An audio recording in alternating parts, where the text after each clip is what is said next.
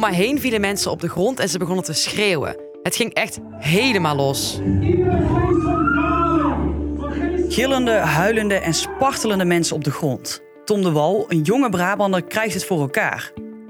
Met zijn evangelische organisatie Frontrunners Ministries geeft hij het woord van God door aan anderen.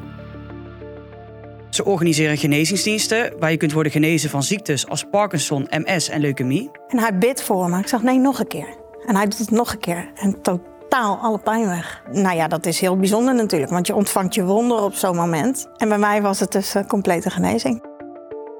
Een van Gods beroepen is dokter. En ik kan je zeggen, hij is de beste dokter die er is. Want het maakt niet uit waar mensen vandaan komen, hoe lang ze iets zou hebben of hoe ernstig het is. Met één operatie van de Heilige Geest kan hij alle ziekte uit je leven, uit je lichaam trekken.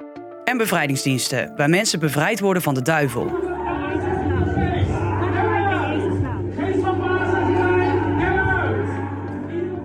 Dit kan niet gespeeld zijn. Er gebeurt hier echt iets in die zaal.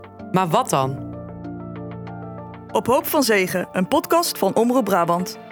Hoe kan het dat zoveel mensen hierin geloven? En is dat gevaarlijk?